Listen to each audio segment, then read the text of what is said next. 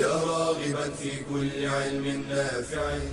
ينمو العلم ويتقدم بتقنياته ومجالاته ومعه نطور أدواتنا في تقديم العلم الشرعي. أكاديمية زاد. زاد أكاديمية ينبوعها. صاف صاف ليروي غلة الظمآن. والسيرة العلياء عطرة الشدى. طيب يفوح لأهل كل زمان. بشرى لنا زاد أكاديمية للعلم كالأزهار في البستان.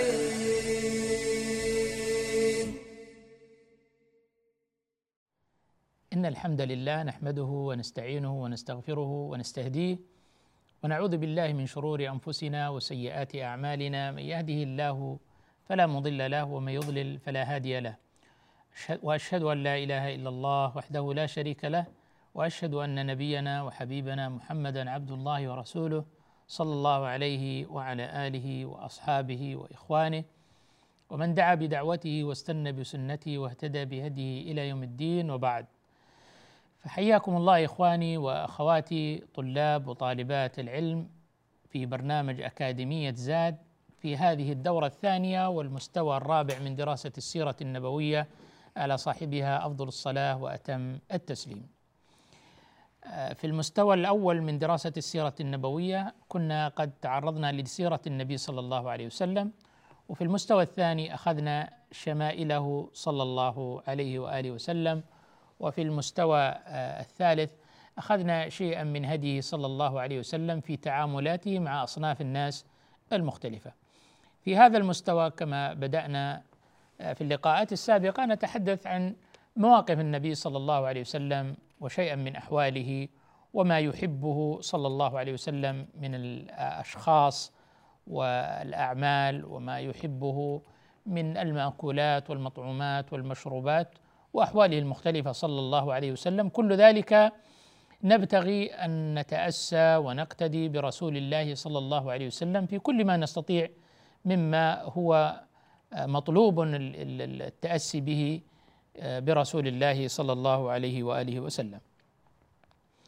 اليوم إن شاء الله نتكلم عن ما كان يحبه النبي صلى الله عليه وسلم من المآكل والمشارب. ال- الأكل والشرب حاجة آه، بشرية آه، إنسانية آه، أباحها الله سبحانه وتعالى وجعل لها ميدانا واسعا من أبواب الحلال في المطعومات وأبواب الحلال في المشروبات. والله سبحانه وتعالى تكرم على العباد فأباح لهم الكثير من الطعام وأباح لهم الكثير من الشراب.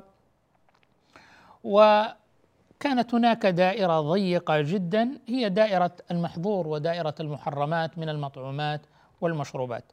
فدائرة الحلال دائرة واسعة جدا كبيرة جدا وهي دائرة آه، ما أباحها الله عز وجل إلا لما فيها من النفع لهذا الإنسان.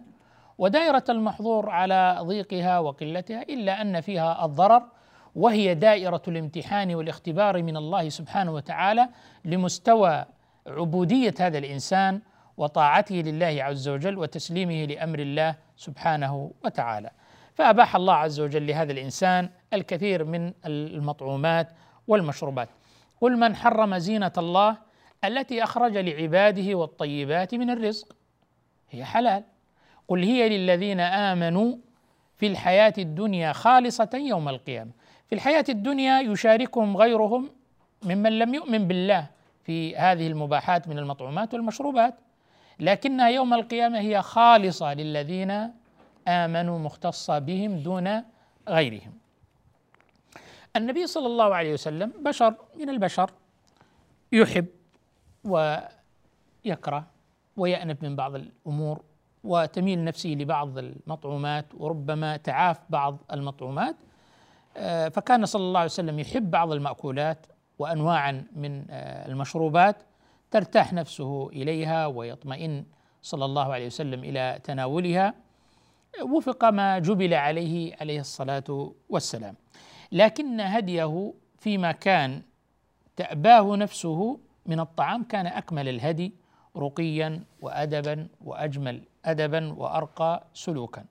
يقول أبو هريرة رضي الله تعالى عنه في الحديث الصحيح الذي أخرجه البخاري ما عاب النبي صلى الله عليه وسلم طعاما قط. هذا أصل في آه، تعامله صلى الله عليه وسلم فيما يتعلق أو هدي فيما يتعلق بالطعام بالمأكولات ما عاب طعاما قط. طالما أنه في دائرة المباح كان لا يعيبه صلى الله عليه وسلم. إن أحبه أو إن اشتهاه أكله وإن كرهه تركه. لا يلام الإنسان على أنه نفسه لا لا تحب شيء نوعا من الطعام لا يلام على ذلك. فكان لا يعيب طعاما قط. وأيضا كان إذا اشتهى هذا الطعام تناوله وأكله. وإذا لم يشتهيه أو كرهه أو عافته نفسه فإنه يتركه. كما في حال موقفه صلى الله عليه وسلم مع الضب لما قدم بين يديه. الضب من المباحات من المأكولات. كانت تأكله ولا زال تأكله العرب في تل في بيئاتها الصحراوية وهو مباح. فلما قدم بين يدي النبي صلى الله عليه وسلم تركه ولم يأكل منه. فسأله خالد بن الوليد يا رسول الله أحرام هو؟ قال لا ولكن نفسي تعافه. يعني ما أجد نفسي إني أحب وأشتهي أتناول منه. أعاف هذا. فاجتره خالد فأكله. فهو مباح. لكن النبي صلى الله عليه وسلم لم يأكل منه لأن نفسه تعافه وليس ببيئته ولم يشتهيه وليس محرما. لكنه ما عاب هذا الطعام. هذا هو دين النبي صلى الله عليه وسلم. وهذا الواجب علينا جميعا في آه، تعاطينا مع المطعومات والمشروبات. إن أحببته واشتهيته تأكله طالما أنه مباح فإن لم تشتهيه ولم تحبه وربما تعافه نفسك فإنك تتركه دون أن تعيب هذا الطعام. من الأطعمة التي كان النبي صلى الله عليه وسلم يحبها ذراع الشاه. ذراع الشاه. عن أبي هريرة رضي الله عنه قال وضعت بين يدي رسول الله صلى الله عليه وسلم قصعة من ثريد ولحم. القصعة هي الإناء الكبير أو الوعاء الكبير الذي يوضع فيه الطعام ليؤكل. والثريد هو قطع الخبز آه، المفتوت بالمرق أو الأضيف الذي إليه المرق. يقطع هذا الخبز ثم يوضع عليه المرق فيصبح بهذه الصورة. قد بعد ذلك يوضع عليه اللحم فيصير شيء إضافي. هناك ثريد باللحم وهناك ثريد بدون لحم. إذا هو القطع من الخبز مع المرق هذا ثريد فإذا وضع عليه اللحم قيل ثريد بلحم. فوضعت بين يدي رسول الله صلى الله عليه وسلم قصعة من ثريد ولحم. فتناول الذراع أخذ النبي صلى الله عليه وسلم الذراع.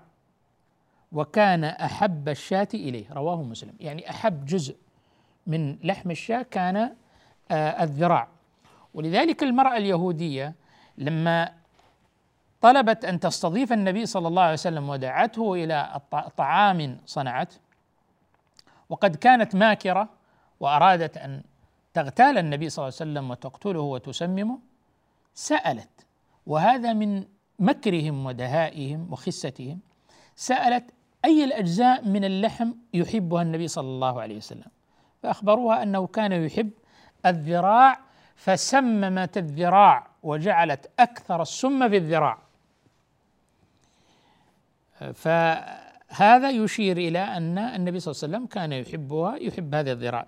ذكر بعض أهل العلم أن محبته صلى الله عليه وسلم لهذه الذراع أولا لنضجها وسرعة استمرائها مضغها وأكلها فهي فيها نوع من الليونة في الأكل بخلاف بعض المواطن من أجزاء الشاة. مع زيادة لذتها وحلاوة مذاقها وبعدها عن مواضع الأذى مثل الرجل وغيرها.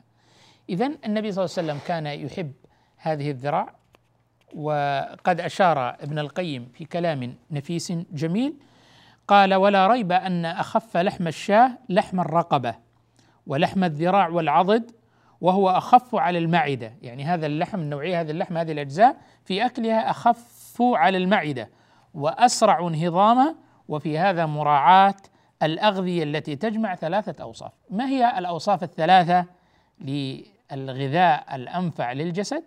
بعد الفاصل نتطرق إليها إن شاء الله. بشرى لنا زاد أكاديمية للعلم كالأزهار في البستان.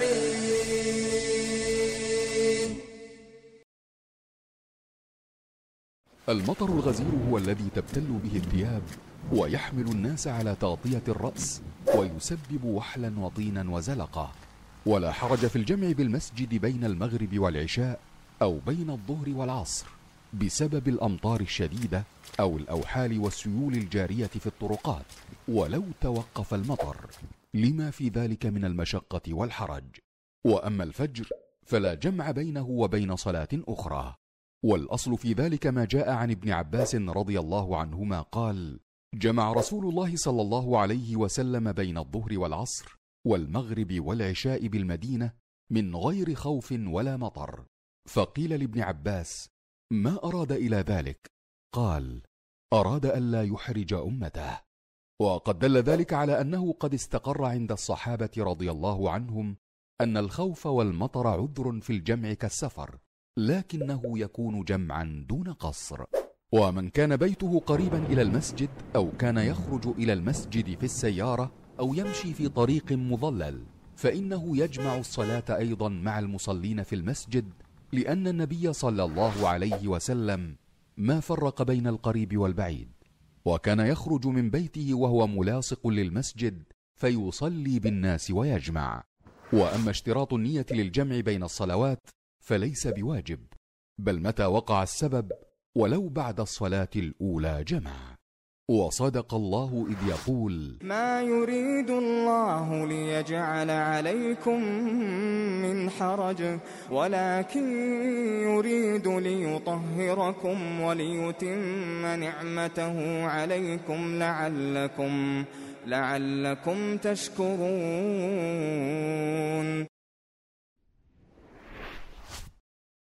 بشرى لنا زاد أكاديمية للعلم كالأزهار في البستان. الحمد لله والصلاة والسلام على رسول الله وعلى آله وصحبه ومن والاه. أما بعد فالنبي صلى الله عليه وسلم كان يحب الذراع من الشاه ولطراوتها ولذتها وسرعة واستمرائها وحلاوتها وسرعة هضمها. ذكر ابن القيم أن هناك ثلاثة أوصاف تجمع آه، الأوصاف المناسبة التي تراعى في الغذاء ليكون آه، أفضل ما يكون. أحدها كثرة نفعه وتأثيره في القوى. يعني هذا الطعام الذي يؤكل آثاره التي ينتفع بها البدن. العسل التمر اللحم الحليب اللبن. يعني ما مدى النفع الذي يحصل للبدن من هذا الغذاء وتأثيره في القوى في قوى الإنسان في جسده في أعصابه في آه، أجهزته المختلفة البدنية. فكل ما كان أكثر نفعا كان أفضل. الثاني خفتها على المعدة وعدم إثقالها عليه. يعني تكون هذا الذي يؤكل يكون خفيف على المعدة. ما يكون فيه ثقل. حتى يؤثر على يحتاج إلى مزيد هضم ويحتاج إلى وقت ويثقل البدن ويضعف عن العبادة ويأتي بالكسل والتثاؤب. الثالث سرعة الهضم. هذا الطعام كل ما كان يعني هناك لدي قابلية لأن يهضم سريعا كان أفضل للبدن. قال وهذا أفضل ما يكون من الغذاء والتغذي باليسير من هذا أنفع من الكثير من غيره. يعني لو في عندي نوعين من الأطعمة مثلا هذا طعام قليل ولكنه تجتمع فيه الأوصاف الثلاثة كثرة نفعه خفته على المعدة سهولة هضمه وسرعته. الثاني كثير لكنه لا يتصف بهذه الصفات الثلاث أو بعضها. أيهما أنفع للبدن؟ لا شك أن هذا مع قلته لأن العبرة بالانتفاع وليست بالامتلاء. العبرة بانتفاع البدن من هذا الغذاء لا بالامتلاء ولو اتبع الناس هدي النبي صلى الله عليه وسلم حتى في موضوع الطعام والشراب وطريقة التناول وكمية التناول لاختفت كثير من الأمراض العصرية اليوم التي نسمعها. وما يترتب على هذه الأمراض من يعني تكاليف في العلاج وإهدار للصحة. وللأسف الشديد اليوم حتى الشباب والشابات لا يحسنوا انتقاء الأطعمة التي تنفع أبدانهم ولا يكون لها أضرار على جهازهم الهضمي أو على أبدانهم ليست العبرة بكثرة ما يؤكل وإنما بنوعية ما يؤكل وينتفع به البدن. البعض قد وخصوصا من الأطفال والصغار يعني هناك كثير من المطعومات والمأكولات المفيدة جدا والمغذية جدا للبدن والنافعة للبدن والأعصاب والعقل والروح ومع ذلك نجدهم يزهدون فيها. واعتادوا تلك الوجبات السريعة أو المهدرجة أو غيرها المعدلة وراثيا وغيرها السيئة جدا بحجة أن هذه الوجبات العصرية. طيب أليس فيها ضرر على البدن؟ هو لا يقال بجانب التحريم وإنما يتكلم عن ما هو الأنفع والأمثل فالإنسان إذا آه، تعود على هذه الأغذية النافعة انتفع فيها في بدنه وانتفع في آه، فيما يأكل. إذا آه، الذراع من الشاة كان مما يحبه النبي صلى الله عليه وآله وسلم. من المطعومات التي كان يحبها عليه الصلاة والسلام الدباء وهو اليقطين والقرع. اليقطين والقرع. عن أنس رضي الله عنه قال إن خياطا دعا رسول الله صلى الله عليه وسلم لطعام صنعه. يعني كان النبي صلى الله عليه وسلم توجه له الدعوة وكان يقبل هذه الدعوة. ولا يشترط اشتراط عليه الصلاة والسلام وإنما كان ما قدم له من القليل والكثير إن أحبه واشتهاه وأكله أو اعت فهذا الرجل أحب أن يكرم النبي صلى الله عليه وسلم فدعاه وصنع له طعاما. يقول أنس فذهبت مع رسول الله صلى الله عليه وآله وسلم فقدم إليه قصعة فيها ثريد عليه دباء. قدمت القصعة والقصعة قلنا هي الوعاء الكبير الذي يوضع فيه ما يؤكل. وفيه ثريد والثريد ذكرنا سابقا أنه هو الخبز المقطع الذي يوضع عليه المرق هذا ثريد. فبعضهم يضيف عليه لحما وبعضهم لا يضيف عليه لحم. هذا هو الثريد. قال وعليه دباء. وضع عليه الدباء اللي هو ال ال ال اليقطين أو القرع المعروف وضع وقطعه قطعا واوصالا على هذا الثريد. قال وأقبل على عمله. يعني اشتغل الرسول الرجل بعمله وترك النبي صلى الله عليه وسلم ليأكل. فجعل النبي صلى الله عليه وسلم يتتبع الدباء من حوالي القصعة يعني في أطرافها.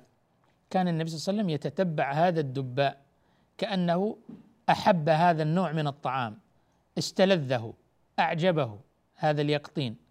الدباء القرع هذه القطع. فكان يأخذها ويتتبعها في نواحي القصعة يأكل منها. قال أنس فلما رأيت ذلك جعلت أتتبعه فأضعه بين يديه. يعني كان أنس رضي الله يعني هذا أنس كان صغيرا لكنه كان مدركا واعيا ربوا على آه، البديهة وحسن آه، التصرف والذكاء الاجتماعي الذي يغيب عن كثير من أبناء المسلمين اليوم وشبابهم فضلا عن صغارهم. هذا أنس فتى صغير طفل صغير. رأى النبي صلى الله عليه وسلم لاحظ النبي صلى الله عليه وسلم يتتبع هذا الدباء في نواحي القصعة. قال فجعلت أتتبعه يعني هذا الدباء وأجمعه إلى النبي صلى الله عليه وسلم. أضعه بين يديه أقربه بين يديه. والله هذا من الأدب. والله هذا من الذوق والأخلاق والآداب التي تغيب. قد يجلس اليوم ما أقول الصغير الكبير الفتى الشاب الفتاة الشاب تجلس مع أبيها ومع أمه يتناولان طعاما. فيعرف من أمي وأبي أنه يحب هذا النوع من الطعام. لا أدب ولا أخلاق ولا ذوق ولا ولا حتى يعني ما يسمى بالذكاء الاجتماعي. أنا رأيت أمي تحب هذا أقربه إليها. هذا التقريب معناها انها أنك يا أخي تتناغم معه أنك تحبه أنك تقرب إليه ما يحبه أنك تتناغم معه أنك تفهمه. هذا مطلوب حتى هذا نوع من من الحب والعلاقات الاجتماعية التي ينبغي أن يراعيها الإنسان في آداب آه، حتى في آداب الطعام. قال فلما رأيته يتتبع هذا الدباء في نواحي القصعة جعلت أتتبعه وأجمعه بين يدي وأقربه بين يدي النبي صلى الله عليه وسلم. يقرب له الطعام الذي يحبه. هذا من أدب أنس رضي الله عنه. هذا من ملاحظته وذكائه الاجتماعي وفطنته رضي الله عنه وحسن تصرفه وحبه أيضا لرسول الله صلى الله عليه وسلم فإنه يجلب له ما يحبه ويقربه بين يديه. ويقول أنس رضي الله عنه فما زلت قال فلم أزل أحب الدباء من يومئذ. يعني أصبح عنده ميل ومحبة لهذا النوع من الطعام من ذلك اليوم. هل لأنه أكله؟ لا لأنه رأى النبي صلى الله عليه وسلم يحبه ويتتبعه ويأكله. طبعا هذا يعني شيء زائد في موضوع الاتباع وهو ليس كما يقولون يعني أن سنة عملية أو سنة قولية وإنما هذا شيء من المحبوبات أن يحب الإنسان ما يحب حبيبه بل أنه يعيد برمجة ذائقته ومحبوباته على ما يحب حبيبه صلى الله عليه وآله وسلم. قال ثابت ثابت من تلاميذ أنس وهو ثابت البناني قال فسمعت انسا يقول فما صنع لي طعام بعد أقدر على أن يصنع فيه دباء إلا صنع. أخرجه البخاري ومسلم. هذا ثابت البناني من التابعين من آه، طلاب آه، أنس بن مالك رضي الله عنه. ينقل عن شيخه أنس أنه ما هنالك طعام يقدر يضع عليه دباء في إمكانية يعني تناسب آه، في الطبخ يناسب أن يوضع عليه إلا وضعت عليه الدباء لمحبته له لأن رسول الله صلى الله عليه وسلم كان يحبه. فهذا مما كان يحبه النبي صلى الله عليه وسلم من المطعومات وهو الدباء. هل هناك شيء من المطعومات الأخرى كان يحبها صلى الله عليه وسلم؟ نعم نستمع إلى ذلك بعد الفاصل إن شاء الله تعالى. بشرى لنا أكاديمية للعلم كالأزهار في البستان.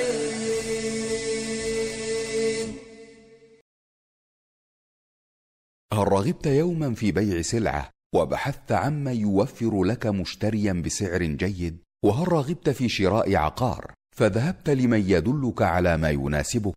هذه هي حقيقة السمسرة وعمل السمسار حلال والأجرة عليه مباحة. ويجب أن يكون السمسار ناصحا فيدل صاحب السلعة على أفضل مشتر ويدل المشتري على أفضل سلعة. مصداقا لقول النبي صلى الله عليه وسلم الدين النصيحة. ويجب أن يكون صادقا في وصف السلعة فلا يغالي فيها ولا يحط من قدرها ليجامل من وسطه بائعا كان أو مشتريا. وإذا حكماه في تقدير ثمن السلعة فليقومها بالعدل فهي شهادة وأمانة. قال تعالى يا أيها الذين آمنوا كونوا قوامين شهداء بالقسط. وإذا عمل السمسار لأحد المتعاقدين لم يجز له أن يتواطأ مع الطرف الآخر على زيادة السعر أو إنقاصه. فهذا غش وخيانة. لا سيما إذا تولى السمسار العقد لأنه وكيل مؤتمن.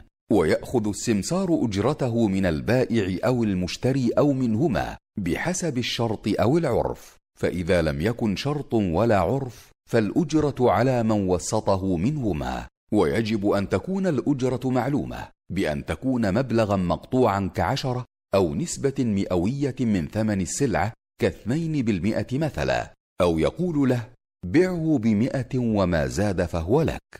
قال ابن عباس لا بأس أن يقول بع هذا الثوب فما زاد على كذا وكذا فهو لك. وقال ابن سيرين إذا قال بعه بكذا فما كان من ربح فهو لك أو بيني وبينك فلا بأس به. وهذا من الشروط الجائزة فيجب الوفاء بها. قال النبي صلى الله عليه وسلم المسلمون على شروطهم إلا شرطا حرم حلالا أو أحل حراما. بشرى لنا زاد أكاديمية للعلم كالأزهار في البستان الحمد لله والصلاة والسلام على رسول الله وآله وصحبه ومن والاه وبعد. كنا نتحدث عما يحبه النبي صلى الله عليه وسلم من المطعومات، وذكرنا مثلا أنه كان يحب آه، ذراع الشاه لطراوتها ولذتها وحلاوة مذاقها واشتهائها وخفتها أيضا على آه، المعدة. وأيضا كان صلى الله عليه وسلم يحب الدباء اللي هو اليقطين القرع وكان يتتبعه في نواحي القصعة. أيضا مما كان يحبه النبي صلى الله عليه وسلم من الطعام الزبد والتمر. الزبد والتمر. عن ابني بسر السلميين رضي الله عنهما قالا كان النبي صلى الله عليه وسلم يحب الزبد والتمر. الزبد هو الذي يستخرج من بالمخض من لبن البقر أو لبن الغنم. المخض يخض ثم يستخرج هذا الزبد. فهذا الذي كان يحبه النبي صلى الله عليه وسلم مع التمر. كان يحبه في التمر. كان يجمع بينهما. الزبد حار رطب يعني حار في مذاقه وليس حرارة كما يقولون برودة وحرارة باللمس. لكن في طعمه. الزبد حار رطب. والتمر بارد يابس. فكان يجمع هذا مع هذا آه، ليصلح كل منهما بالآخر. وربما الإنسان يأخذ التمره ثم يتناول بها الزبد. فتكون طعاما شهيا كان يحبه النبي صلى الله عليه وسلم. ولا شك أن التمر من الأغذية النافعة المفيدة للبدن ولصحته وقوته واعتداله. ولذلك عبر النبي صلى الله عليه وسلم عن ذلك بقوله كما في الحديث يا عائشة بيت لا تمر فيه جياع أهله. يا عائشة بيت لا تمر فيه جياع أهله. مهما كان كررها مرتين أو ثلاثا أخرجه مسلم. يعني مهما كان في البيت من الأطعمة والأغذية فإن البيت الذي لا تمر فيه يعد أهله جياعا من جهة ما فاتهم من فائدة هذا التمر وما يتولد عنه من الفوائد. والتي عبر عنها بعض الأطباء عن التمر وما فيه أنه صيدلية متكاملة. هذا التمر صيدلية متكاملة. ولذلك كان النبي صلى الله عليه وسلم يفطر على الرطب.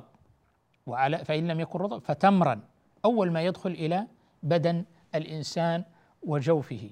لما فيه من آه، المركبات التي تفيد البدن تغذيه تقويه الجهاز المناعي تقوي الجهاز المناعي آه، تقوي البدن آه، الجهاز الهضمي البصر قوة البدن النشاط والحيوية احتياجات البدن كلها موجودة في هذا التمر. وهذا من فوائده وبركاته. ولذلك كان من أول ما يدخل إلى البدن في بعد أن يستيقظ الإنسان التمر وكذلك أول ما يفطر عليه إنسان هذا التمر من الرطب وغيره. هذا مفيد للبدن جدا مفيد.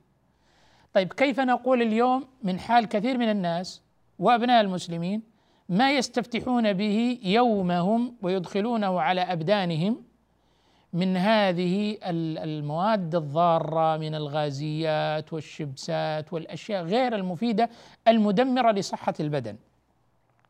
بل بضع كثير منها يساهم في إضعاف الجهاز المناعي للإنسان بل كثير منها ولو أظهرت فيها نوع من السمن آه وانتفاخ البدن إلا أن هذا ليس هو المطلوب الغاية الغاية أن يكون البدن صحيحا قويا وأجهزة الإنسان تقوم بوظائفها بطريقة ممتازة.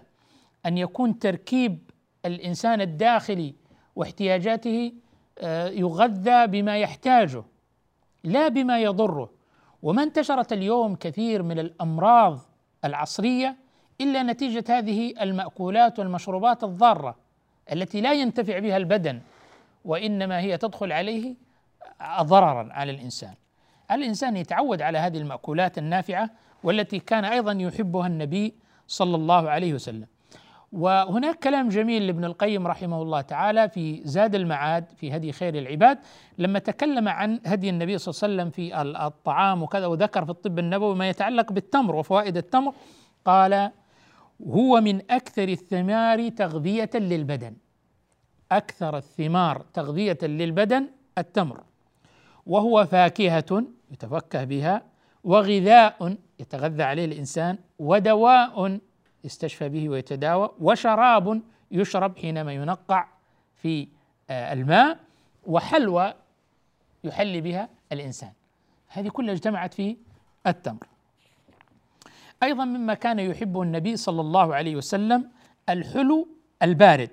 عن عائشة رضي الله تعالى عنها قالت كان أحب الشراب إلى رسول الله صلى الله عليه وسلم الحلو البارد. الحلو في طعمه البارد أيضا في آه، حينما يعني الإنسان يشربه فهو بارد بخلاف أن يكون مثلا حارا. آه، تفسير المراد بالشراب الحلو البارد هناك ثلاثة احتمالات. الاحتمال الماء آه، الأول الماء العذب. الماء العذب الحلو الذي يعني كان النبي صلى الله عليه وسلم يستعذب له الماء أن يبحث عن الماء العذب من الآبار والمياه الحلوة.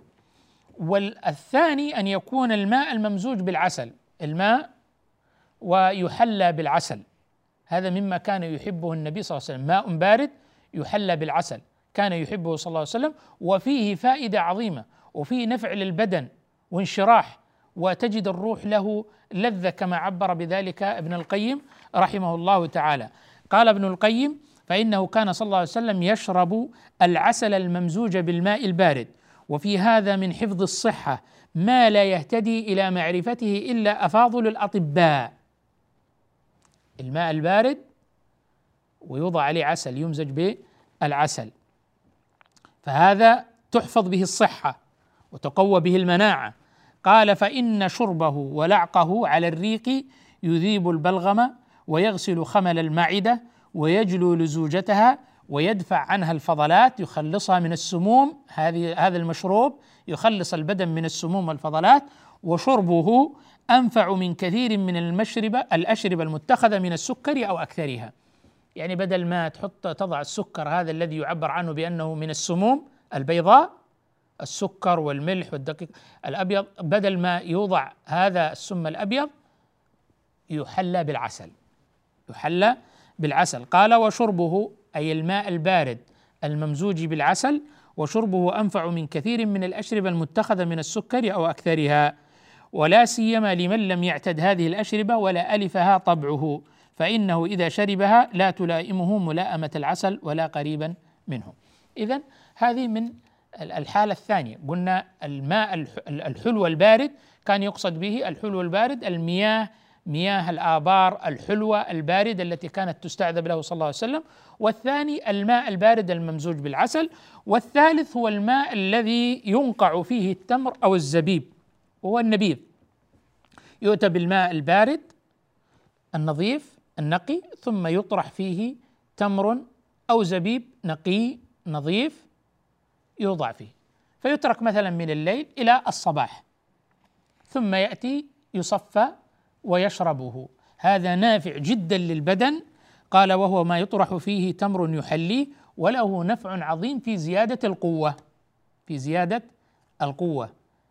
بدل المشروبات السيئة آه، المضرة بالبدن والتي يدعى أنها تعطي مثل ما يقولون باور قوة ها وطاقة هذه مشروبات سيئة مدمرة للبدن مدمرة للإنسان ولصحته التي ائتمنه الله عز وجل عليها. فأن يشرب هذا آه، الماء الممزوج بالعسل أو هذا التمر النقيع الزبيب النقيع في الماء الذي ينقع فإن له نفع عظيم في زيادة القوة. عن ابن عباس رضي الله عنهما قال كان رسول الله صلى الله عليه وسلم ينتبذ له أول الليل في أول الليل فيشربه إذا أصبح يومه ذلك. والليلة التي تجيء والغد والليلة الأخرى. والغد إلى العصر فإن بقي شيء سقاه الخادم أو أمر بصبه. رواه مسلم. لم يكن يشربه بعد ثلاثة أيام خوفا من تغيره إلى أن يصل إلى درجة الإسكار ويغير.